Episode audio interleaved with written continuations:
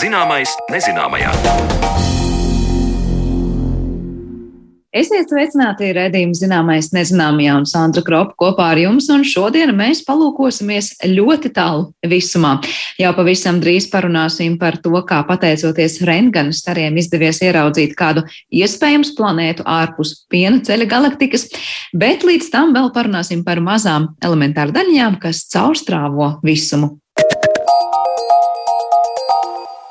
Neitrino ir elementāra daļiņas, kas caurstrāvo visumu, un katru sekundi miljardi neitrino šķērso Zemi un visu, kas uz tās dzīvo. Taču neitrino miedarbību ar dzīviem organismiem diezin vai būsim novērojuši.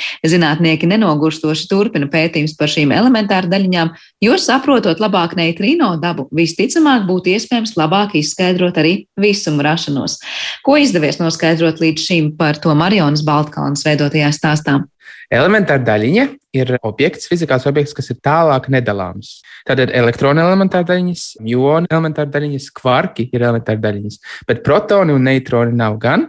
Protoni un neitroni sastāv no gluoniem un kvarkiem, un īstenībā arī pārējām daļiņām.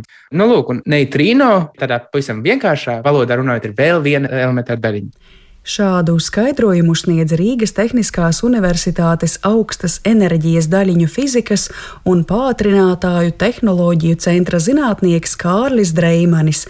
Viņš arī norāda, ja vien neatrodamies, piemēram, Saules kodolā, tad visa matērija sastāv no kvarkiem, elektrona un no neitrīno daļiņas, kas veidojas atoma kodola radioaktīvajā jeb beta sabrukšanā.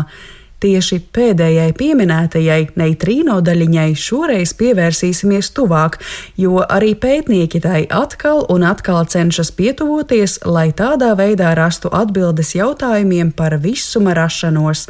Bet, kā tas ierasts ar daudzām lietām, arī elementāra daļiņas mēdz apvienot grupās un sistematizēt, un arī neitrīno iekļaujas šādās kategorijās, par ko stāstu turpina Kārlis Dreimanis. Tad, kad mēs runājam par elementāru daļām, viņas uzskaitām, mēs parasti minam elementāru daļu standarta modeli. Un šis standarta modelis sastāv no sešiem kvarkiem, sešiem leptoniem un nu, jau pieciem kopš šīs atklāšanas spēka nesējiem unikāliem. Tātad neitrīno ir trīs no šiem sešiem leptoniem, jo leptoni dalās trīs lādētajos leptonos un trīs neitrālajos leptonos, un neitrīno ir neitrālie leptoni. Interesants fakts ir tas, ka mirklī, kad neitrīno tika postulēta kā esošas daļiņas eksperimentālu mērījumu rezultātā, viņas nosauc par neitroniem, jau vienkārši par neitrālajām daļiņām. Un tas ir tādēļ, ka tajā mirklī neitroni vēl nebija līdz galam atklāti. Un tad, kad tie tika atklāti, tie tika nosaukti par neitroniem, un tad nebija kur sprukt, bija jāsaka par neitrīno, vienkārši pieliekot šo astīti vārdam, lai itāliski izklausītos pēc mazajiem neitroniem. Nu, gluži vienkārši tādas maziņas, nelādētas daļiņas. Nu, lūk, tā īsi runājot, neitrīno gluži vienkārši ir vēl trīs elementāri daļiņas standarta modeli. Kāpēc, starp citu, tas standarta modelis, ko jūs pieminējāt, ir tik būtisks? Būtisks standarta modelis ir ar to, ka tā ir vispārīgi runājot, zinātnē visprecīzāk postulētā teorija. Ko es ar to domāju, ir tas, ka jādala lietas, jādala fizika, elementāra fizika divās daļās. To, ko mēs zinām, ka mēs zinām, un to, ko mēs zinām, ka mēs nezinām. Un tā tad to, ko mēs zinām, ko mēs nezinām, standarta modelis nespēj izskaidrot. Taču visu to, ko mēs zinām, ka mēs zinām, standarta modelis izskaidro uz papīra perfekti. Un līdz ar to tas pierāda, ka standarta modelis ir nepilnīgs, jo neietver visu to, ko mēs nezinām. Taču viņš nav neprecīzs, viņš ir pareiza teorija. Man uzreiz radās prātā cita līdzība. To varētu eh, salīdzināt ar ķīmisko elementu periodisko tabulu, kur mums ir ietverti dati par ķīmiskajiem elementiem, tas, ko mēs par tiem zinām, bet visticamāk, tabula nav pilnīga. Tajā ar laiku varētu pievienot vēl kaut ko. Savā ziņā tā ir diezgan laba ekvivalence. Tieši tādā ziņā, kā jūs jau minējāt, ka šis modelis nav pilnīgs, elementu tabula nav pilnīga.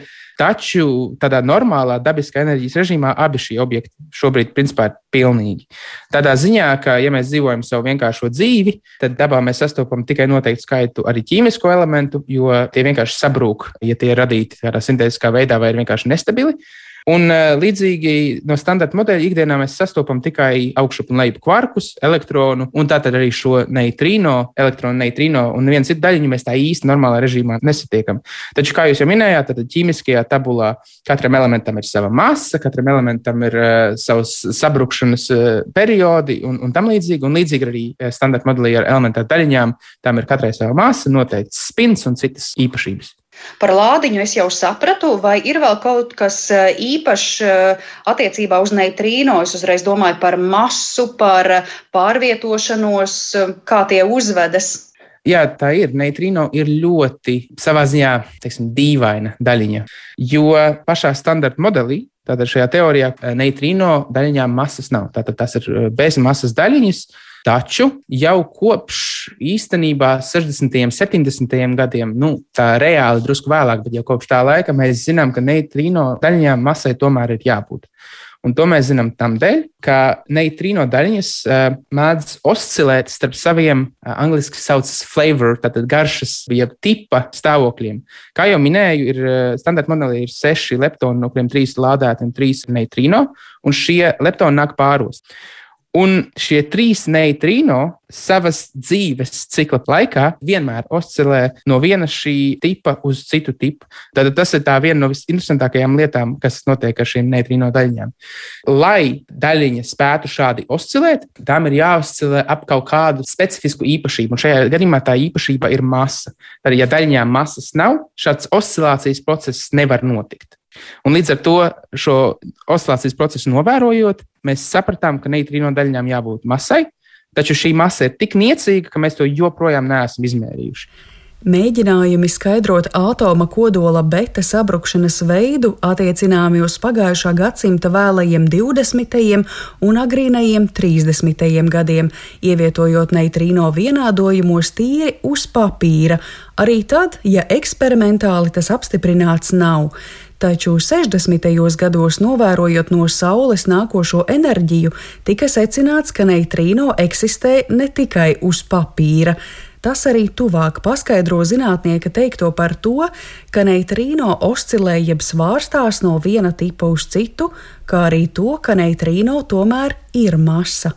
60. gados mēs arī atklājām to, ka, ja mūsu izpratne par zvaigžņu darbību ir pareiza, tad eh, no Saules nākošais neitrīno skaits ir eh, aptuveni 50 līdz 70% no sagaidāmā skaita. Un kā jau varētu iedomāties, ja kaut kas ir uz pusi vai pat trešdaļu mazāk, tad tas nav tāds tikai mērījuma neprecizitāte, tas ir kaut kas nopietns. Tā bija ļoti interesanta problēma. To gluži vienkārši tā ir nosaucts par eh, solāro neitrīno problēmu. Tātad, jā, mēs secinājām, ka šie neitrīno ir par maz. Un no šī mērījuma iznāca šis fakts, ka neitrino iespējams oscilē starp dažādiem masas tipiem, un tas atrisināja šo problēmu ar solāro neitrino pazušanu. Un kopš tā laika mēs esam mēģinājuši atrast šo neitrīno masu. Tad 60. gados tika atklāta šī solāro neitrīno problēma, un tad 30 gadus kopš tā mirkļa uz priekšu tika risināta šī problēma. Un tā tika atrisināta aptuveni 90. gadu sākumā. Viss, ko mēs esam spējuši izdarīt, kā zinātnīs lauciņš, elementā daļiņa fizika, ir šo limitu, augšējo limitu iespējamai neitrīno masai ir samazināt un samazināt un samazināt un samazināt. Šobrīd eh, mūsu limits ir zem viena elektrona volta.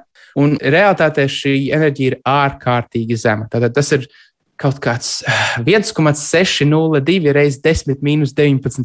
joule. Ja? Un joule ir tā mērvienība, kurās mēs sākam mērīt uh, kā mēs ūdeni vāram. Ja? Tātad normāli makroskopiski mērvienība. Ja? Mēs zinām, ka šīs daļiņas ir ārkārtīgi mazas, jau par to masu joprojām ir jautājumi, bet mēs arī varam lasīt, ka tās caurstrāvo visu visumu, tās visu laiku iziet cauri zemē un dzīvajām būtnēm, bet mēs to nejūtam. Jautājums, kā neitrīno īsti rodas? Jā, neitrino ir visbiežāk uh, sastopamā daļiņa ar masu visā visumā. Un viens no iemesliem, kāpēc neitrino ir patiešām tik ļoti populārs uh, mūsu visumā, ir tam ir ārkārtīgi daudz dažādu rašanās uh, veidi. Neitrīno radās kodola sabrukšanās, tad beta sabrukšanās. Neitrīno rodas zvaigžņu kodolos, kur šis process notiek. Un arī mūsu ķermeņos, tad tāpādam banānu mums ir iekšā kālijas. Tad, jebkuros šajos sabrukšanas procesos, kas ir ārkārtīgi bieži procesi, mūsu dabā radās šie neitrīno. Un tā kā viņi tik reti miedarbojas ar citām lietām, tad viņi nekur nepazūd. Kā viņi ir radušies, tā viņi turpina lidināties pa visu ļoti, ļoti ilgu laiku, līdz mirklim, kamēr viņi tiek atkal absorbēti kādā reakcijā un kādā šajā notikumā. Un patiešām mūsu planēta, īstenībā mūsu ķermeņus, konstanti caurstrāvo praktiski triljoniem neitrino, bet iemesls, kāpēc mēs e, nekad nejūtam šīs daļiņas, ir tas, ka šīs daļiņas miedarbojas tikai ar diviem no četriem fundamentāliem spēkiem. Viņas miedarbojas tikai ar vājo sabrukšanas spēku un ar gravitāciju. Tad viņiem ir masa, tad ir gravitācija. Bet, Kārli, tad man ir jautājums, kā mēs visu šo zinām? Nu, man ļoti patīk tas piemērs par banānu, ko jūs teicāt. Nu, kā tad mēs eh, esam ieguvuši šīs zināšanas, ka mums tur organismā varbūt arī rodas neitrīno, ja praksē šie eksperimenti ir gana grūti un mums joprojām ir neatbildēti jautājumi, tad kā mēs zinām, ka visu zemi caurstrāvo un es saprotu arī zvaigžņu sprādzienu rezultātā rodas neitrīno? Pat ne tikai zvaigžņu sprādzienu, bet gluži vienkārši zvaigznes dzīves ciklā notiekot šīm sabrukšanām, notiek uh, neitrīno emisija. Bet jā, jautājums ir ļoti labs. Šis jautājums ir principā tāds ārkārtīgi plašs un attiecināms ne tikai uz fiziku, bet uz jebkuru citu zinātnes lauciņu, jo atbilde uz šo jautājumu globāli ir statistika, statistika, statistika, statistika. Ja mums ir pieejami biljoni un biljoni un biljoni un biljoni eh, šo neitrīno, tad laiku pa laikam, tīri statistiski runājot, viens no šiem neitrīno miedarbosies ar matēriju, jeb nu, mūsu detektoriem. Tad, protams, neitrino mūsu ķermeņos mēs nespējam izmērīt kā vienu vienību, bet mēs vienkārši zinām, ka mūsu ķermeņos notiek šī beta sabrukšana, līdz ar to tajās ir jābūt neitrino. Tāpēc mēs zinām, ka viņš mums uh, rodās ķermeņos. Bet uh, tās mērīšanas metodas parasti notiek gluži vienkārši uztaisot maksimāli lielu detektoru, kuram ir tāds maksimāls liels šķērsgriezums neitrino redzēšanai. Un gluži vienkārši gaidīt, ieslēgt detektoru un gaidīt, samazināt visus iespējamos šos fonus. Un šeit jāsaka uzreiz, ka pasaulē vadošās neitrino laboratorijas atrodas divās vietās. Tās atrodas ASV un Japānā. ASV Čikāgā neitrīno daļiņas tiek radītas, triecot protonu vai elektronu staru pret kādu masu. Bet vēl interesantāka pieeja ir Japānā. Izrādās, ka tīrs ūdens ir viens no labākajiem materiāliem, ar ko izdalīt neitrīno, tāpēc detektors superkamio kande sastāv no 50 tūkstošiem tonu ultratīra ūdens. Protonu stari tiek triekti, piemēram, pret svina, vara vai dzelzs blāķi, un šo sadursmju rezultātā tālāk cauri ūdens detektoram lido neitrīno. Bet Kārlim Dreimanim arī jautāju, kāpēc neitrīno ir tās elementāra daļiņas, par kurām bieži runā kā būtiskākajām visuma izcelšanās saistībā. Vienkāršot atbilde būtu, tāpēc, ka mums īsti citur vairs nav kur meklēt. Bet uh, mēs varam šo jautājumu mazliet paplest. Tad tajā meklī, kad mēs runājam par to, ka neitrīno varbūt ir palīdzējuši radīt mūsu visumu, kas tas ir, mēs runājam par šo matērijas, antimatērijas simetriju vai asimetriju. Visuma radīšanās brīdī, ja mēs vispār saprotam kaut ko par visumu noteikumiem un likumiem, tad matērijai un antimatērijai bija jārodās ar vienādu skaitu. Tas ir visparastākais uh, Newtona reakcijas likums. Ja tu kaut ko pastums, tad tas pret tevi stums apakaļ ar tādu pašu spēku. Nu, līdzīgi tādā, ja mēs radām kaut ko vienu, mums jārada tā paša spoguļa attēls. Taču, ja mēs radām matēriju un antimatēriju pilnīgi vienādā skaitā, tad ļoti ātri šim jaunajam, jaundzimušajam visumam būtu jābeidzās vai jākļūst pilnīgi tukšam, jo visa šī matērija, antimatērija, tad sadursmes ceļā viņas pazudīs. Taču Kā jūs redzat, mēs esam šeit, zvaigznes ir šeit, viss visums ir šeit. Tad mums matērija visumā ir, un mēs nespējam izskaidrot, kāpēc, ja matērija un antimatērija tika radīts vienādā skaitā, šī matērija eksistē. Un līdz ar to, tā kā nekur citur standarta modelī mēs neredzam šo iespēju atrisināt šo problēmu, mēs skatāmies uz neitrīno kā iespējamiem šīs problēmas risinātājiem. Un tas ir tādēļ, ka neitrīno mēs īsti neesam atraduši eh, šo daļiņu, nevarētu teikt, gluži antipartnerus, Bet piemēram, mums ir labā roka un kreisā roka, lai arī kā mēs necenstos, šīs rokas nekad nebūs absolūti pārklājamas. Tad, ja mēs uzliekam savu labo roku uz kreisās rokas, tās ir antipartneri vienotrai. Un mēs esam redzējuši antipartnerus principā visām daļām, izņemot neitrīnu. Tas arī norāda uz to, ka tad, tad neitrīno fizika ir viens no tiem lasījumiem, kur mums ir vismazāk atbildžu un visvairāk jautājumu. Un līdz ar to mēs ceram, ka šeit šīs atbildes meklējot, mēs varētu atrast šo eh, iemeslu, kāpēc mums matērijas ir vairāk kā antimatērijas. Un ir vēl viens iemesls, eh, kāpēc neitrīno ir interesanti tieši saistībā ar visumu rašanos ir tas, ka mēs no visuma vispārējā mikroviņa fona novērojumiem zinām, ka visums ir ārkārtīgi eh, homogēns savā temperatūrā. Tad, ja mēs kādreiz esam redzējuši šo mikroviņu karti, eh, viņi izskatās, ka viņā ir ļoti daudz zilumu un sarkanumu un tā tālāk, taču šie zilumi un sarkanumi atšķirās par mikrogrādiem. Līdz ar to viss visums ir ārkārtīgi homogēns. Un mēs īsti nevaram to līdz galam izskaidrot. Mēs to varam izskaidrot tikai ieliekot mūsu teorijā tādu lietu kā kosmiskā inflācija. Tad arī īsi pēc uh, lielā sprādziena mums bija periods, kad kosmos izplatās ar neiedomājamu ātrumu. Tātad, un tad tas atkal palēnājies. Un viens no veidiem, kā mēs kā izskaidrojam to, ka varbūt šis neiedomājamais ātrums radās, bija tieši spiediens no neitrīno daļiņām plest šo visumu. Jā, interesanti, bet man patika tas stāsts par to, ka neitrīno ir tie vienīgie, kuriem nav antidaļiņu, tā kā tādi trešie liekie, ja, vai piektais ritenis, kā mēs to tautas valodā saucam, ja, kuri palika vieni paši. Ir tā, ka, teiksim tā, mums ir visi kreļi, bet mums nav neviena labroča eh, no neitrīno. Neitrīno labroču daļiņas tiek dēvētas arī par steriliem neitrīno, lai gan, kā norāda Kārlis Dreimanis, pilnīgi sterili tie gan nav. Pavisam nesen ASV veikts eksperiments, lai atrastu sterilos neitrīno jeb labročus. Tie netika atrasti, un tas no jauna liek domāt par neitrīno nozīmi visuma rašanās procesā. Mēs nonākam vietā, kur mums atkal ir daudz atvērtāks jautājums kā pirms tam. Un tad šī ir tā nodaļa, ko sterilā neitrīno neredzēšana mums atver, ir iespēja atgriezties pie mūsu tāfeles un meklēt jaunu jautājumu, un tad meklēt atbildi. Vai arī neitrīno mēs nesaprotam vispār, un viņiem šie labroči ir kaut kas cits, vai viņiem labročiem nemaz nav jābūt, vai standarta modelis tomēr ir vēl nepilnīgāks nekā mums likās, vai varbūt kaut kas cits.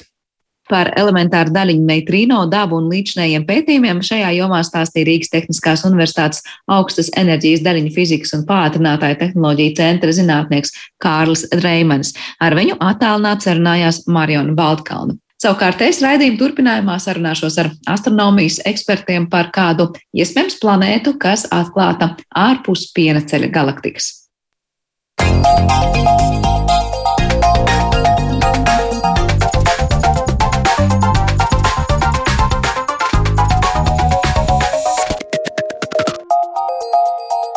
Zināmais nezināmajā. Pēdējās nedēļās astronomijas entuziastus un ikvienu, kur interesē kosmosa tematika, iepriecināja ziņa par iespējamu planētu, kas pirmo reizi atrasta ārpus pienceļa galaktikas. Šāds atklājums noticis pateicoties rengena stariem, ko rengena stari ļauj mums saskatīt visuma dzīvēs un kāds no tā ieguvums cilvēku dzīvē šeit pat uz Zemes. Par to šodien mēs runāsim mūsu attālinātajā studijā, kur esam uz sarunu aicinājuši eh, Stārspace observatorijas saimniece un portāla Stārspace LV redaktore Annu Ginteru. Sveika, Anna! Sveiki! Un arī astronomu Dainu Draviņu. Labdien, Daini! Labdien! Vispirms runāsim laikam par to nu, lielo atklājumu, kas tiešām pēdējā laikā ir uzvirmojis un liekas, nu, liekas ausīties nevienam vien, jo tas tiešām izklausās varēni. Es saprotu, planēta, kas varētu atrasties pat 28 miljonus gaismas gadu attālumā no, no, no Zemes. Es teiktu, varbūt Anna sākšu ar tevi, jo tu portālā droši vien par to raksti un seko līdzi, un tad Dainim noteikti būs daudz ko komentēt un, un par to pašu atklājumu pastāstīt vairāk. Cik tālu mēs esam ar to, ka es saprotu, tas šobrīd ir kā iespējamais atklājums, un mēs šobrīd varam teikt, ka iespējams ir atklāt šī planēta. Kas tā ir?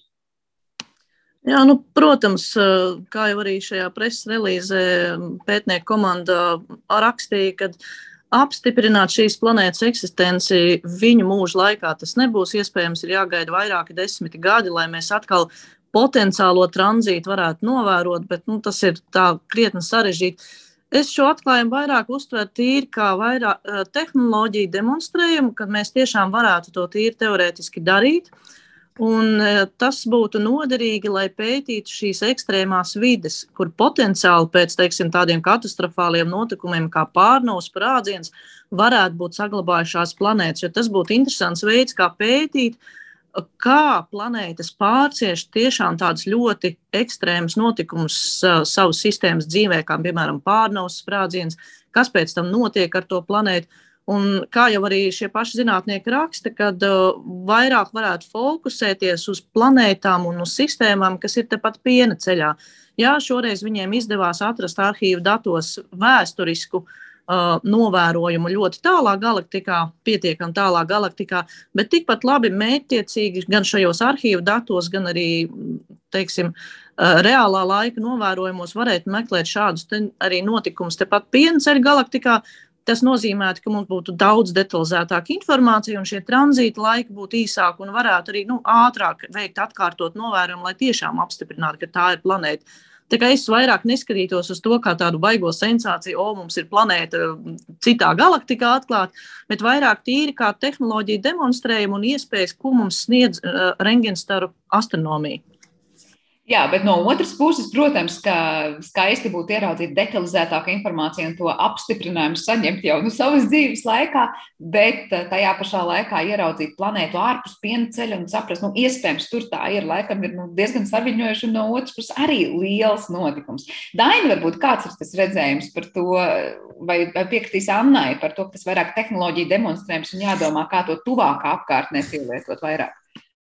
Jā, nu, kā Anna teica, un pilnīgi pareizi, ka šis ir piemērs, kā var ap, mēģināt saprast, kas notiek ar planēti, ja tā pārdzīvo kaut kādu ekstremālu notikumu, kā pārnovas eksploziju. Šie rentgena avoti ir ļoti niecīgi. Tas ir niecīgi izmēram, un tas ir dubultzvaigznes, kur pēc kādas pārnovas eksplozijas ir izveidojusies kāda neutronu zvaigzne, ļoti neliela izmēra, pārdesmit kilometru, un ap to tad ir notiek gravitācijas ietekmē, karstas gāzes plūst eh, uz šo neutronu zvaigzni, sakarst un izstaro rentgena starojumu. Veids, kā atrod planētas eh, mūsu mūs tuvumā, nereti ir tas, ka novēro, ka planēta pāriet zvaigznes disku. Tas varam tāpēc, ka mēs skatītos uz kādu tālu lampiņu, kas kaut kur spīd, mēs redzam tikai kā punktiņu, ja pa to lampiņu rāpo kaut kāds kukaini, zirneklis, tad mēs manām, ka tas gaisma nedaudz samazinās. Bet pat liela planēta, kā mūsu Saules sistēmas Jupiter, ir tikai kāda procenta no Saules izmēra un tikai spēja samazināt gaismu kādu procentu. Ja mēs skatāmies uz tālām galaktikām, tad tur ir miljardiem zvaigžņu, un to gaismu saplūst kopā. Mēs nevaram izšķirt atsevišķas zvaigznes. Tur šī metode nav pielietojama. Bet, bet ja ir šie kompaktie rentgenstaru objekti, tie ir nelieli, tie ir mazāki par planēti, un to skaits ir mērens. To nav miljardiem, tie ir varbūt kādi desmit, varbūt simts kādā galaktikā. Ja gadās, ja planētas kustība ir tāda, tās orbīta tāda leņķī, ka tā pāriet kas aizēno šo rentgenavotu, tad tas tiks, tas tiks slāpēts vai pat pilnīgi no, no starojums pazudīs. Un tas ir tas, kas ir novērots šī tā kā sauktā virpuļveidīgā spirāla galaktikā nosakumi Messie 51, M51, kas ir skaista galaktika un tuva, visai tuva. Nu, nu, tiesa, tausu miljonu gaismas gadu, bet tā salīdzinot ir tuva, un tāpēc arī tā ir tikus daudz nu, pētīta no dažādiem rentgen satelītiem un ne tikai. Un tas, kas ir novērots, ir tieši tas, kā jau Anna minēja, ka Tur ir kāds rentgena avots, un tas tika atrasts arhīvos, ka pirms vairākiem gadiem, dažu stundu laikā, tās spožums e, samazinājās specifiskā veidā, kas ir, kas ir īpatnējs tieši planēta pāriešanai pār tādu, tādu nu, starojumu nu, nu, avotu. Un secinājumu Mums ir tas, ka visticamāk šī planēta apmēram lielumā kā mūsu planēta, mūsu Saules sistēmas Saturnas, un kas visticamāk ir kāda orbītā, kas varbūt 70 gados apriņķo šito to nu, nu, objektu. Tas arī nozīmē, ka, lai tieši tur redzētu otrais līdzīgu nu, tranzītu, būs jāgaida 70 gadus. Bet mēs negaidīsim 70 gadus, lai kaut ko citu atklātu. Un kā jau šie autori kolektīvs teiks, tagad sāks izskatīt citu tuvu galaktiku novērojumus, ir sevišķi mūsu tuvos Andromedas galaktika. Nu, mūsu pienceļa kaimiņi, kur skaidrs šitādi rentgenavotu ir pārsimt. Un, tas, un arī Andromēri tikus daudz novērot, un ļoti iespējams, ka ap tiem 400 vai cik rentgenavotiem arī kaut ko līdzīgu var varēsim atrast. Tā kā mūs gaida interesanti nošķirt atklājumi tuvākajā nākotnē. Bet es gribēju vaicāt par tiem 70 gadiem, bet no otras puses, jūs abi minējāt, ka tas, tika novērotas skatoties arhīvu jau datus par to, par to tranzītu. Tātad, cik senā pagātnē tas ir noticis, vai mēs tajās arhīvos jau nevaram teikt, nu, varbūt mums nav jāgaida 70 gadi, varbūt mums ir jāgaida tikai 10 vai 20 gadi. Proti, tā, tā, tā. Ja mēs zinām, nu, paskatāmies arhīvā, kad, kad vēl varbūt šī planēta ir veikuši šo tranzītu. Nu, tādi rengenstaru novērojumi mums nav ar tik lielu vēsturi, lai mēs varētu aptvert šos 70 gadus. Ja mēs skatāmies, skatāmies uz tādām nu, tiešām vērienīgām un detalizētām observatorijām, kas ir sākuši darbu, savu darbu, tie ir 2000 gadi. Tātad mums ir nu, aptuveni 20 gadu arhīvs. Protams, un tas, tas arī ir mūsdienās viens no tādiem spēcīgākajiem instrumentiem astronomu rokās ir šo arhīvu caurskatīšana dažādām metodēm. Ne par velti arī mūsu Baldonas observatorijas dati tiek digitalizēti, jo tas, kas slēpjas šajos datos, tiešām ir ļoti vērtīga informācija Bet nu, par rengenstariem mums ir, mēs esam ierobežoti laikā. Nu, tie būs aptuveni 20. Ja paveicās, varbūt kaut kādos pavisam vecāku observatoriju datos varētu atrast nedaudz vecākus datus, bet vienalga tie nebūs 70 gadi. Daini. Jā, tas, jā, tieši tā. Tas ir šitie tika izmantoti divi nu, rentgena teleskopi, rentgena pavadoņi. Tas Eiropas kosmosa aģentūras eh, satelīts XMM, kas tika palaists 1999. gadā, vienlaicīgi ar amerikāņu NASA satelītu Chandra.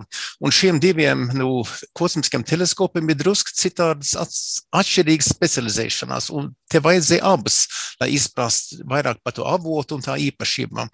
Tik izmantot laikam desmit novērošanas periodu ar XMM Newton, 14 periodu no Chandra. Tā kā tieši kā arī teica, te ir runa par 20 gadiem, un tas turpinās, bet, bet eh, kas, protams, ir ļoti būtiski, ir, ka šie dati tagad ir apkopoti arhīvos, tie brīvi pieejami, jebkuram ir brīvi pieejami bez maksas. Un tur noteikti ļoti daudz kas atrodas, kas vēl ir, vēl ir izdibināms. Bet par to arhīvu runājot, es saprotu, Daina, tā ir tāda šobrīd vispār atsevišķa astronomijas, nu, es nezinu, apakšnodara vai kā lai to sauc, kas tieši darbojas, ka mēs skatāmies nevis reālos, tur jaunākos novērojumus un jaunākos datus, bet ejam cauri šiem arhīviem un meklējam tajos, ko interesanti. Jā, nu tas ir attīstījies pēdējos 10, 20 gados, ka no lieliem teleskopiem tā kā Eiropas Ziemeļa observatorijā Čīlē, no dažiem satelīta teleskopiem, kā Hubble kosmiskais teleskops, tiek rūpīgi dokumentēts un arhīvos nu, ierakstīts, saglabāti novērojumi. Šis nav nekas vienkāršs darbs, tāpēc, ka tur ir ļoti precīzi ne tikai tie novērojumi, ka tādi ir nu, jāarhivē, bet ir jāapraksta precīzi, kas tika novērots, kādā veidā, kādi tur ir trokšņa līmeni, kādas bija speciālie apstākļi. Bet līdz ar to, ka tas ir ticis nu, organizēts, tad tie tagad izveido ļoti lielas datubāzes, kur varam skatīties, ko visums mums mēģinājis izstāstīt pēdējos pārdesmit gados, un cik no tā mēs esam līdz šim izpratuši. Anna varbūt grib piebilst kaut ko, vai, vai par to nu, skatāmies, kas būtu interesantākie tādi arhīva avoti, kuros noteikti gribētu, lai kāds ielūkojas, var kurus pārskata novērojumus. Ko es gribētu piebilst, vai atgādināt arī tiem cilvēkiem, kas varbūt nav profesionāli astronomi un ar to ikdienā nedar, nenodarbojās. Sava veida rakšanās arhīvos ir tāds dažāda, dažādi uh, pilsoņu zinātnes projekti, piemēram, tie galaksijas zola projekti, kuros iespējams palīdzēt zinātniekiem rakties tajos arhīvos, meklēt citplanētas, klasificēt galaktikas un tā tālāk. Ir daudz un dažādi projekti, kuros tieši šī arhīva datu pārskatīšana tiek atvēlēta parastam cilvēkam.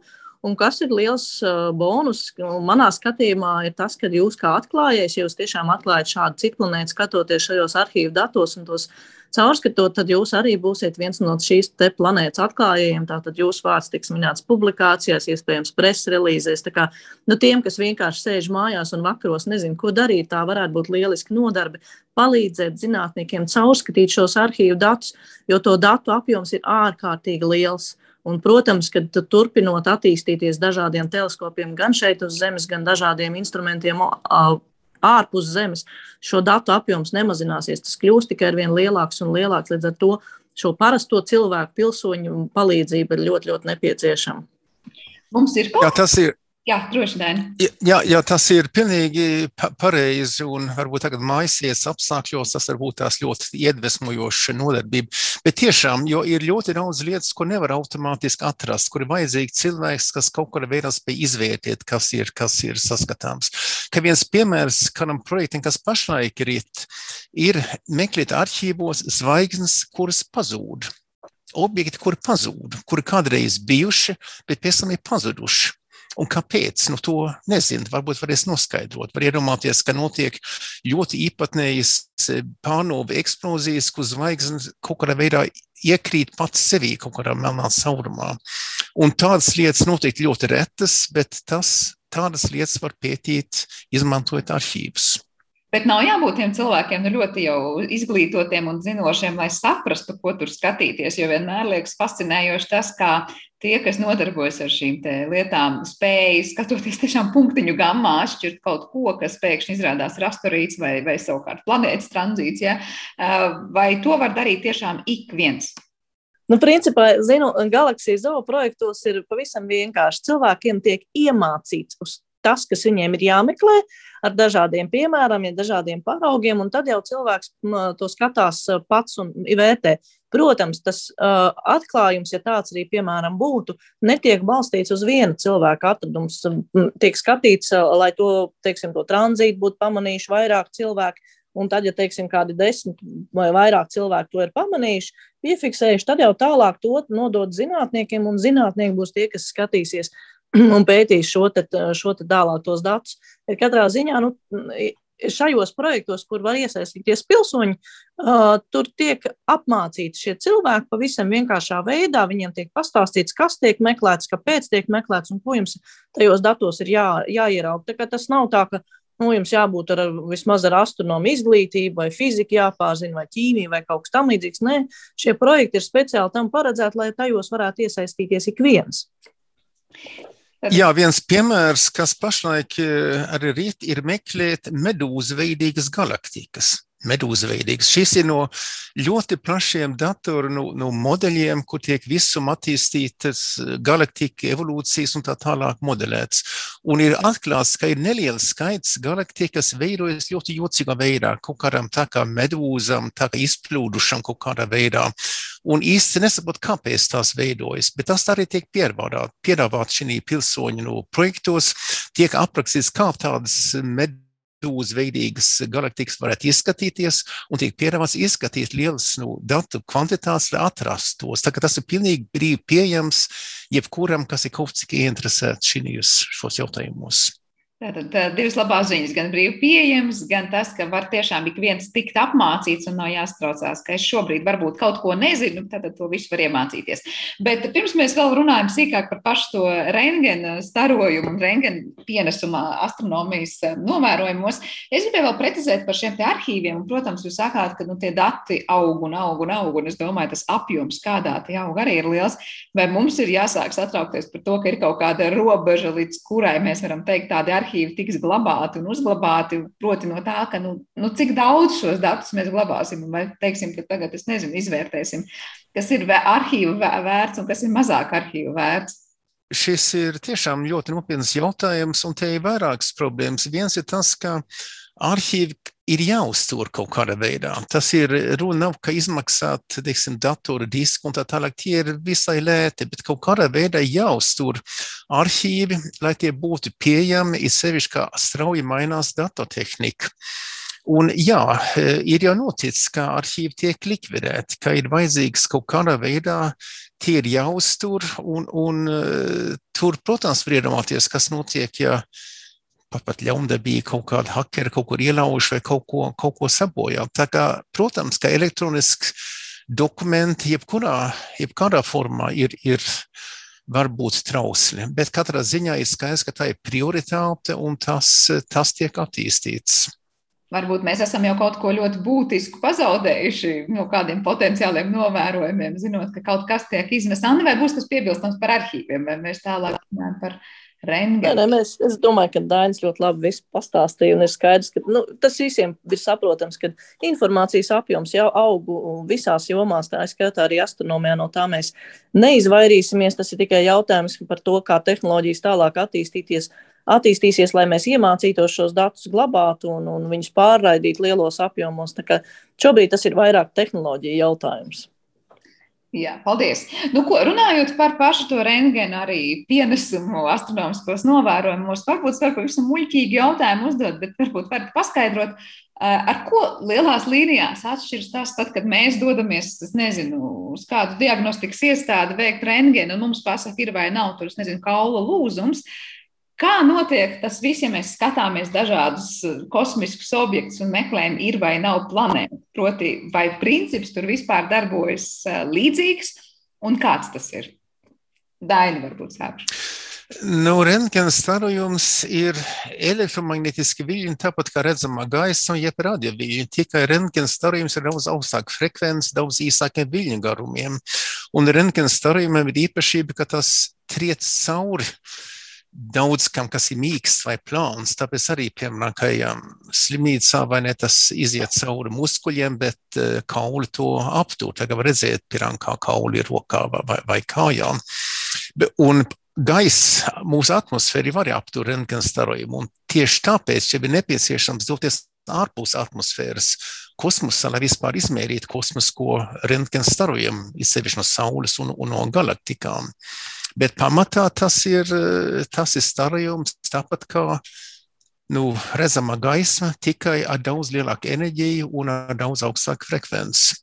Jā, un principā tam, tā teiksim, astronomijā mēs varētu teikt, izmantojam pētīt rengena starojumu kā uh, dabiski nākoši no kādiem avotiem, nu, kā ļoti, kur ir ļoti augsta temperatūra, kā pie melnajiem caurumiem šis matērijas disks, kas veidojas. Uh, pārnavu sprādzienu atliekās, un arī, teiksim, tiek izmantots, kā mēs aizgādājam uz kādu objektu, rengena staru objektu, rengena starojumu avotu, Un, kā piemēram, uz Marsu aizbraucam uz Marsu. Uz Marsa ir rengena staru spektrogrāfs, kas savukārt raida rengena starojumu pret Marsa augsni un analizē atpakaļ nākošo signālu, un tādā veidā iegūst informāciju par to, kāds ir ķīmiskais sastāvs šai, šai virsmai, kura tiek analizēta. Mēs vienkārši varam vākt informāciju, tā, kas nāk no kosmosa, un arī varam paši veidot savu tādu tā kā rengena starojumu avotu un tādā veidā iegūt informāciju par kādiem interesējušiem objektiem. Tā kā, nu, tas būtiski atšķirās no tā, ko mēs izmantojam medicīnā. Protams, par intensitāti arī tā ir daudz, daudz mazāk, jo no šiem katastrofālajiem lielajiem objektiem, kas ir kosmosā, kas ir melnie caurumi, supermasīvie melnie caurumi, neitronu zvaigznes, tur šis starojums ir ārkārtīgi intensīvs.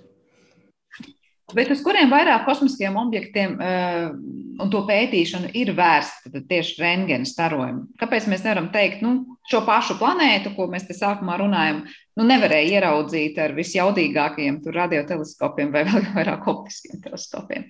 Nu, Rentgena starījums nāk no viskarstākajām vietām. Tā kā ja mēs skatāmies debesīs rentgena starījumā, mēs saskatām karsto, visuma karstāko daļu. Un, ja skatās ja ir debesu attēls rentgenstaros, tas visu laiku mainās. Nu, tas nav varbūt nav gluži kā jaungada nu, uguņoša, bet nu, gan drīz, ne, ka visu laiku rentgena avoti mainās. Tie ir mainīgi, jo tie uzliesmo nodzies, uzliesmo nodzies. Tā kā rentgena staros mēs redzam dinamisko visumu un tā viskarstākās e, vietas. No saules vainag nāk rentgena starojums, tas arī ap, ap staro planētām virsū, ir pat redzēts no rentgena atspūgs no, no mēneša. Tā kā ir, ir, ir, ir rentgena starojums ir visur, bet objekti, kas, nu, ko mēs redzam redzamā gaismā, kā Saule un planētas, tās normāli netiek nu, pētītas rentgena starojumos, jo tas nav viņu Tas notiek tikai arī kaut kas speciāls, kāds uzliesmojums, kaut kāds sevišķi, sevišķi īpašs notikums. Tad sanāk arī, nu, jo mēs mēģinām tālākus objektus ieraudzīt, jo vairāk mēs liekam cerības tieši uz šo rengena starojumu diapazonu. Ja? ja mēs tagad par planētām runājam, te īpašais ir tas, ka ja mēs skatāmies tālākā galaktikā, zvaigžņu tur ir ārkārtīgi daudz, un tās ir ļoti grūti atšķirt kā individuālas zvaigznes. Bet šī gadījumā planētu meklēšana, tie rentgena avoti ir ļoti niecīgi izmēri, un tāpēc tie salīdzinājumā planētu izmēri, un tā var notikt šitas, ka planēta pāriet tādam priekšā, un tad kaut ko tā var netiešā veidā var, var atrast. Bet jā, arī izsevišķi starp galaktikām ir karsti gāzes mākoņi, no kuriem nāk rentgena starojums. Tā kā, tā kā daudz no rentgena astronomijas nodarbojas ar tālām, tālām galaktikām un tālām galaktika kopām. Principā nu, mums nav jādomā, ka rentgena starojums ir paredzēts tikai tieši ļoti tālu objektu izpētēji, bet rentgena starojums ir pavisam cits skatījums uz visumu. Ja kādam mājās ir pieejams internets, es ieteiktu pameklēt uz atslēgu vārdiem piena ceļš dažādos viļņu garumos, Un mēs redzēsim, kā katrā no šiem viļņu garumiem, kurā mēs pētām kosmosu, vai tie ir radioviļņi, vai tie ir mikroviļņi, redzamā gaisma, infrasarkanais starojums, ultravioletais rengens starojums, gamma, mums atklājās pavisam cita aina. Mēs redzam citus objektus, mēs redzam citus procesus. Mēs varam uz vienu un to pašu objektu skatīties dažādos viļņu garumos un mēs ieraudzīsim pavisam kaut ko citu. Un šie viļņu garumi, tie dati, kas tur būs atnākuši līdz mums, mums pastāstīs par kaut kādiem specifiskiem procesiem, kas notiek šajā vietā. Ja mēs skatāmies uz piena ceļa centru redzamajā gaismā, mēs redzam putekļus, jo pārsvarā tur ir putekļi centra virzienā. Ja mēs skatāmies radioviļņos, mēs atkal redzam kaut kādus citus objektus. Mēs varam redzēt kā, mel, teiksim, mūsu, mūsu melnā cauruma aktivitāti Ja mēs skatāmies infrasarkanajā gaismā, mēs redzam cauri šiem putekļiem. Ja mēs skatāmies rentgena starojumā, tad mēs redzam šos kompaktos objektus, kas ir ļoti, ļoti miljoniem grādus karsti un, un spēcīgi starojoši. Ne, es, es neteiktu, ka tas ir vienkārši tikai tālu objektu apskatē, tas ir vienkārši cita veida skats uz visumu. Līdzīgi kā acīm uzlikt citu filtru un pēkšņi redzēt pilnīgi citu pasauli, tā varētu teikt. Jā, jā, jā tieši tā. Jā, droši vien, ka astronomiem likās, laikam, pilnīgi visos garumos interesanti, ko paskatīties, bet Daina, vai tomēr astronomiem ir tād, nu, tāds vis, vis, visintriģējošākais diapazons, kurā skatīties uz mums tuvāko un tālāko apkārtni? Nē, tu, kā Anna, teici pilnīgi pareizi. Tas ir, ka informācija ir citādāk. Ja mēs skatāmies uz vienalga sauli radioviļņos, jeb redzamā gaismā, jeb rentgenes starījumā, mēs redzam kaut ko citu. Mēs redzam citas daļas no, no, no paša. Nu, mūsu acis ir redzi pielāgota nu, saules gaismai, un, un, un mēs daudz ko uzsveram tādā veidā. Mums kādreiz būtu grūti iztulkot attēlu, kas iegūta, teiksim, gamma starojumos vai, vai radioviļņos, bet visas ir vajadzīgas un viens otram dod klāt citu papildu informāciju. Pēdējais no tiem varbūt lielākiem rentgena satelītiem nosakuma Eirosītā, kas ir Vācu un Krievu institūta galvenokārt eh, izstrādāts. Tika palaists 19. gadā, un tur jau vairāk kā miljonus avotu tagad ir, ir eh, teiksim, reģistrēts pār visu debesu vēlbi. Tā kā skaits rentgena avotu ir milzīgs, un tur tikai maza, niecīga daļa no tiem reāli tiks izpētīta tuvākā laikā. Tur būs vēl daudz kas, vēl daudz kādu atklājumu, kas nāks klāt. Bet runājot par šiem instrumentiem, ar kuriem šajā rentgena diapazonā ko pētīt, mēs teiktu, ka Čandra teleskops šobrīd būtu tas nu, top augšgalā, vai tā nevar teikt, nu, kuri instrumenti būtu tādiem nu, nopelniem bagātākie un varbūt jaudīgākie šajā ziņā?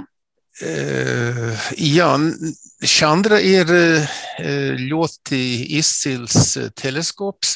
Tas tika palaists, tas ir kopā, ja tā ir pašā laikā kā Eiropas XMM Newton, un katra drusku citādāk ievirza. Šandrai specialitāte ir iegūt asus attēlus. Tas bija ļoti labi fokusēt rentgena starojumu, kamēr Eiropas XMM Newton ir orientēts samākt vairāk rentgena starojumu un izpētīt tā saukto spektru. Tas ir sadarīt dažādos frekvencēs, redzēt, kur ir mīkstais rentgena starojums, kur ir cietais rentgena starojums. Tā kā šī ziņā viņi viens otru nu, komplektē. Arī šis pats pēdējais Eirosītā ir domāts ļoti plaša leņķa debesu kartēšanai. Tas nevis uz specifiskiem objektiem, kā karam īpašām galaktikām, bet gan visas debesu vēlves un ļoti liela izmēra, teiksim, galaktiku kopu nu, kartēšanai. Tā kā katram ir sava specialitāte, bet, protams, ka Piemēram, šis Chandra un XMM, viņam jau ir 20, pār 20 gadiem, viņi mūžīgi neturpinās darbību. Tā kā pamazām būs jāatrod veids, kā papildināt, un atkal citi rentgenteleskopi ir specifiski domāti saules pētījumiem, jo tur atkal ir vajadzīga cita, cita tehnika. Jā, nu vairāk kā skaidrs, ka kosmosā visam savu specializāciju un ar vienu un to pašu instrumentu mēs varam ne tikai skatīties uz ļoti dažādiem objektiem, bet arī ieraudzīt ļoti dažādas lietas, bet katram objektam arī mēs varam piemeklēt ļoti atšķirīgus instrumentus, lai to vienu objektu skatītu dažādās nu, gribētu teikt, tēlēm izsakoties gaismās. Bet noslēdzot šo sarunu, es vēlējos jums abiem vaicāt, nu, mēs parasti sakām, cik ļoti ir viens puses interesanti skatīties, kas notiek, ja mēs raugāmies uz tālām kosmosa tālēm un ieraugam šo to interesantu. Un tajā pašā laikā cilvēki prasa, nu, kur tur tas praktiskais arī pielietojums tepat uz zemes un tā tālāk un tā joprojām. Kā jūs raugāties uh, gan par to, kā mēs izmantojam kosmosu, kosmosa izpētē rengena starojumu, gan varbūt arī šīs iespējamās planētas attīstīšana, ieraudzīšana, Ko tas reāli varētu, nezinu, vai jau ir mainījis, mainījis mums šeit pat uz Zemes, proti, kādas tehnoloģijas ļaus vairāk attīstīt un kur ko citādāk pielietot. Nu, Anna gan sākumā jau teica par šo tuvākā kosmosa izpēti, kas jau patiesībā ir izskanējis, varbūt vēl kādi papildinājumi par to praktisko pielietojumu. Čandras, um, Čandrai lapā ir tāda sadaļa tehnoloģijas, tehnoloģija pārnes, Un, nu, tur nav, protams, detalizēti uzskaitīts viss konkrēti, kādas tieši iekārtas ir ražotas pateicoties Čandras uh, devumam, bet katrā ziņā mēs, tas, ko mēs ikdienā izmantojam, gan kvalitātes kontrolas uh, izmantošanā, re, rengenstaru izmantošana, kvali, produktu kvalitātes kontrolē, gan, piemēram, tie paši lidostā izmantojamie skaneri, kur pārbauda jūsu bagāžas saturu, kas tur ir iekšā, kas tur nav iekšā.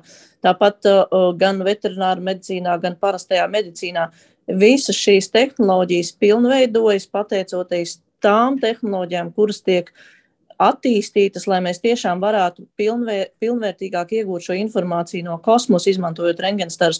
Jo rengenstaru teleskopi ir ļoti, ļoti specifiski. Tas nav tāds pats, kā iedomājamies parasts teleskops ar spoguli un, un trubu, bet šī gaisma, kas nāk iekšā, šie rengenstari, šie fotoni, uh, ja viņi krīt, kristu taisni kā parastā teleskopā spogulī, viņi kā lodes satriektos iekšā, iekšā šajā spogulī, un mēs nekādu informāciju neiegūtu. Tur tiek veidot specifiski spoguļi, lai panāktu, ka šī gaisma fokusējas. Un tas, kādā veidā tiek taisīta šī tehnoloģija priekš kosmosa izpētes, palīdz uzlabot to tehnoloģiju, ko mēs izmantojam šeit uz Zemes.